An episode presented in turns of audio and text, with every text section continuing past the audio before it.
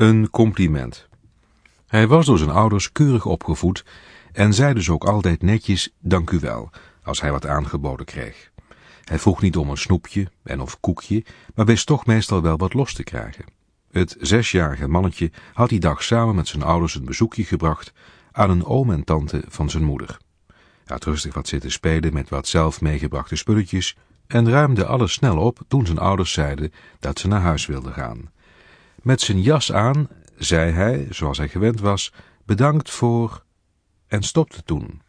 Hij keek zijn moeder even verward aan en vervolgde, oh nee, ik heb niks gehad, tot ziens. Het was een pijnlijk moment van zijn ouders, maar het was nog niets tegenover een uitspraak van hem een tijdje daarvoor. Samen met zijn moeder deed hij boodschappen in de plaatselijke supermarkt. Omdat dit iedere week op dezelfde dag gebeurde, troffen ze vaak dezelfde mensen in de winkel. Een redelijk gezette dame vond het mannetje wel leuk en verwende hem regelmatig met een snoepje dat ze dan stiekem in zijn hand of jaszak drukte. Op een dag had hij van haar een reep chocola gekregen en trots liet hij deze aan zijn moeder zien. Waar heb je die gepakt, vroeg ze. Nee, oh mama, zei hij terwijl hij de dame aanwees. Deze heb ik gekregen van die mevrouw met die hangkop, dubbele onderkin daar.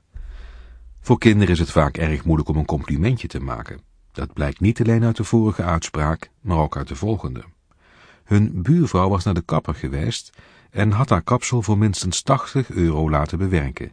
Ze was geknipt, gekruld en gekleurd en trots kwam ze het resultaat laten zien. Terwijl zijn moeder de buurvrouw bekeek en complimenteerde, kwam het jongetje de keuken binnen.